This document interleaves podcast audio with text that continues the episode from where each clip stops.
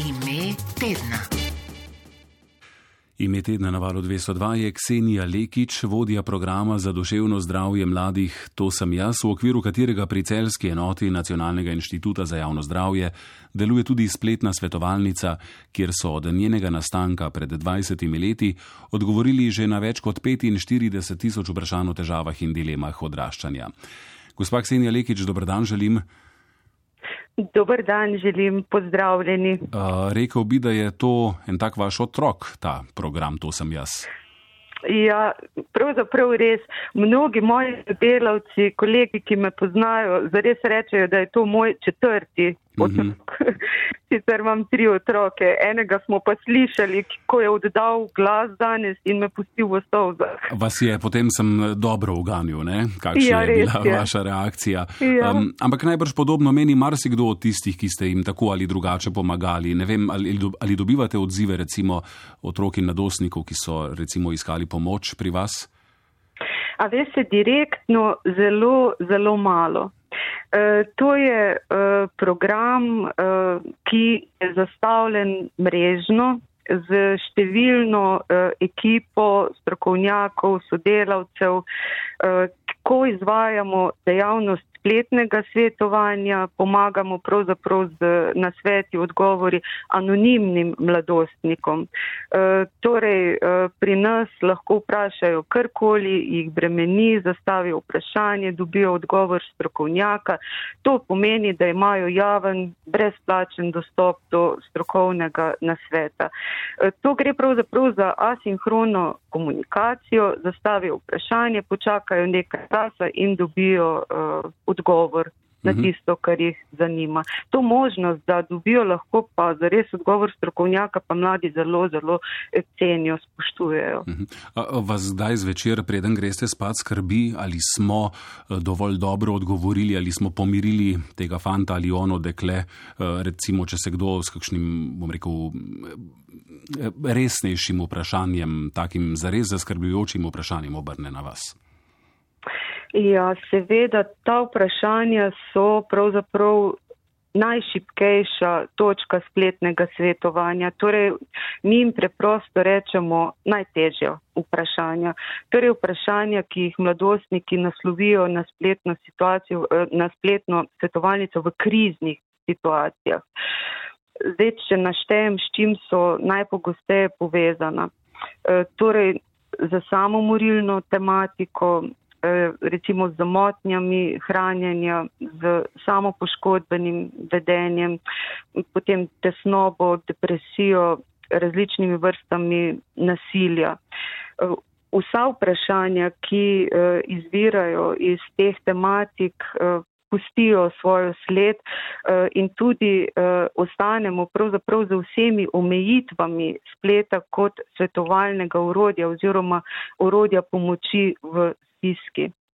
Zato, ker te možnosti na spletu so zelo omejene. Ampak zdaj, če govorim o teh najtežjih stiskah po protokolu, v uh, uredništvu oziroma spletni svetovalec uh, usmeri mladostnika v pridobitev pomoči v živo uh, in uh, skušamo narediti, uh, biti čim bolj maksimalno konkretni. Ampak seveda glede na podatke, ki jih imamo oziroma če se mladostnik ponovno uh, javi, lahko pa ostanemo uh, uh, brez odziva. Mhm. No, sej, to je bilo pravzaprav eno od mojih vprašanj, ali so tudi taki, ki se vrnejo, ki povejo, ne vem, včeraj ali pa pred časom sem bil v kontaktu, pa še vedno, ne vem, iščem neko pot. Ja, seveda dobimo tudi uh, to vrstne povratne informacije, vendar redko. Uh, te informacije so redko, ker spletna svetovalnica vendarle deluje na principu, večinoma na principu vprašanje, odgovor strokovnjaka. Mhm. Kadar pa dobimo te povratne informacije, da jim je bilo, recimo, da jim je bila ta spletna strokovna pomoč zares, da jim je zares pomagala ali pa celo, da jim je pomagala obrniti življenje na bolje, takrat smo izredno, izredno veseli. Zgodi se pa tudi, eh, tudi sicer poredko, ampak se, da v teh najtežjih kriznih situacijah eh, spletno svetovanje preide v svetovanje recimo ali po mailu ali po telefonu ali pa tudi v živo. Uh -huh.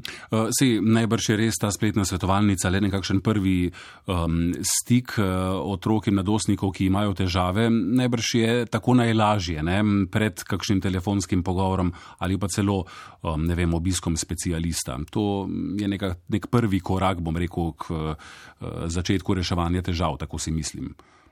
Ja, prav imate in tudi mladi veliko krat povedo, da ravno na začetku dosti lažje spregovorijo o svojih težavah, dilemah, anonimno v nekem varnem virtualnem okolju, kjer vedo, da bo njihov sogovornik strokovnjak, kot bi pa to lahko naredili v živo, eh, v pogovoru z nekim specialistom ali strokovnjakom. Mhm. Tako da to je uh, prvi obliž.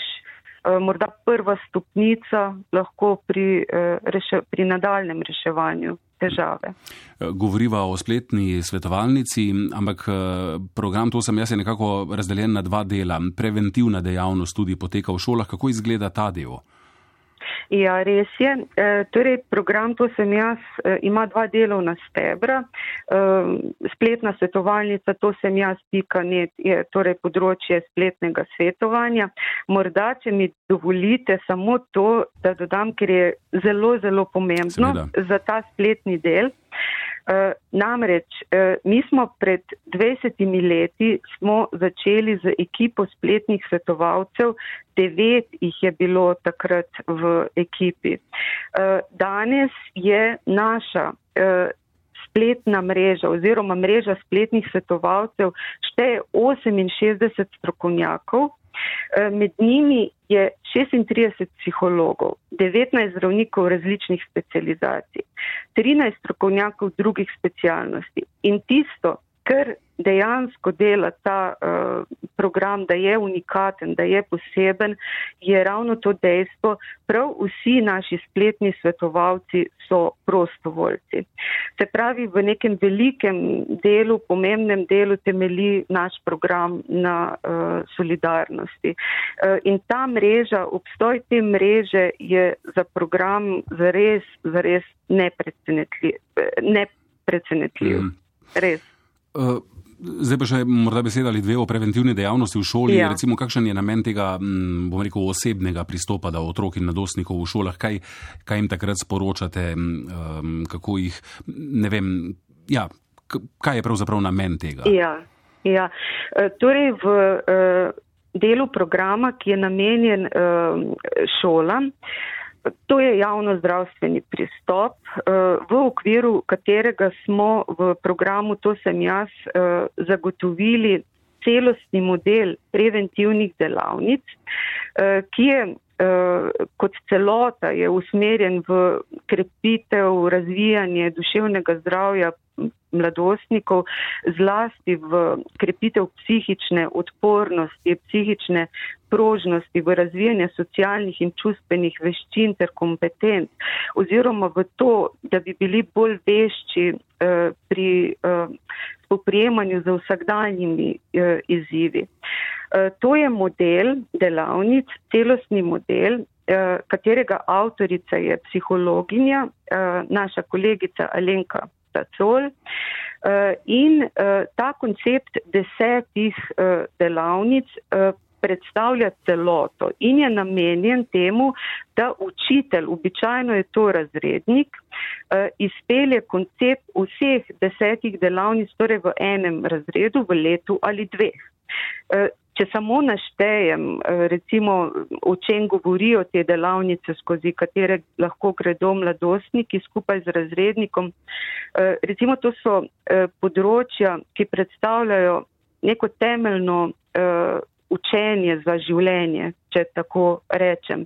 To je področje samo spoštovanja, samo sprejemanja, eh, potem postavljanja ciljev, prizadevanja, da te cilje uresničimo, potem sodelovanja, povezovanja z drugimi, veščin za reševanje problemov, spretnosti za soočanje, spoprijemanje, sprejemanje stresa, potem neka pozitivna življenska naravnanost, potem področje prevzemanja odgovornosti za vedenje, za posledice dejanj, potem področje te človeške unikatnosti, neponovljivosti in področje asertivnosti in pa še zadnje področje so pa pravzaprav ta naša čustva, da jih prepoznamo, sprejmemo in nekako izražamo na pravi način. Mm, zelo celovit pristop, tako se sliši. Povejte mi, gospa Ksenija Lekič,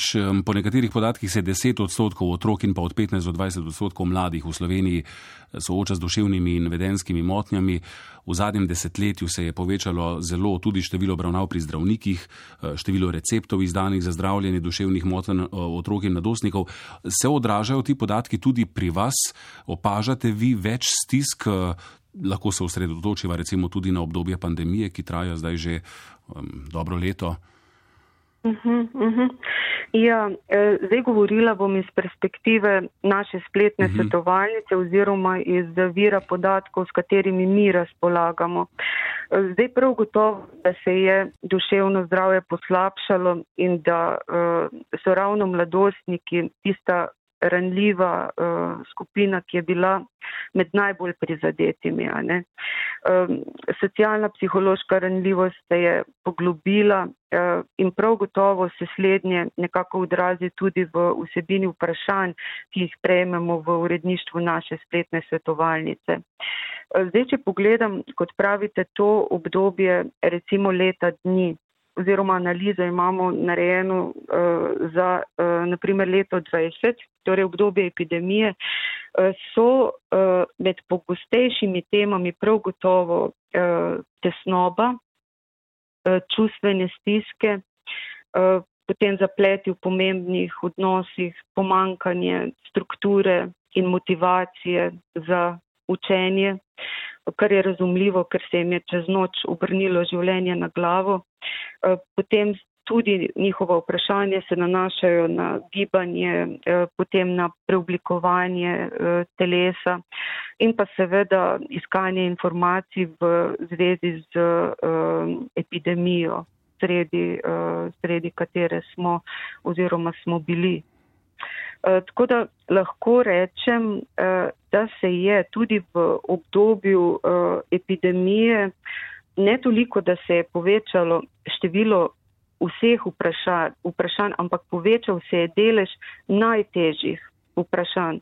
Recimo v prvih dveh mesecih uh, epidemije, uh, marec, uh, april, je delež vprašanj, ki sicer znaša 10 odstotkov, porastel na 17-18 odstotkov katera, katere teme so najtežje, sem pa že prej mhm. omenila. No, na valu 202 recimo običajno o ponedeljkih v Botrstvu oziroma zelo pogosto opozarjamo na stiske prav otrok in nadostnikov, tudi zdaj v času epidemije, šolanje nadaljavo, odsotnost socialnih stikov in tako naprej. Številni pa omenjajo nepopravljive posledice tega obdobja. Kakšno je vaše mnenje v zvezi s tem? Recimo, ko bo enkrat epidemije konec, mislite, da ne bomo kar preklopili na um, način življenja, kot smo ga poznali in da bodo te zdajšnje stiske čez noč izvenele? Ne vem, težko, težko neko napoved.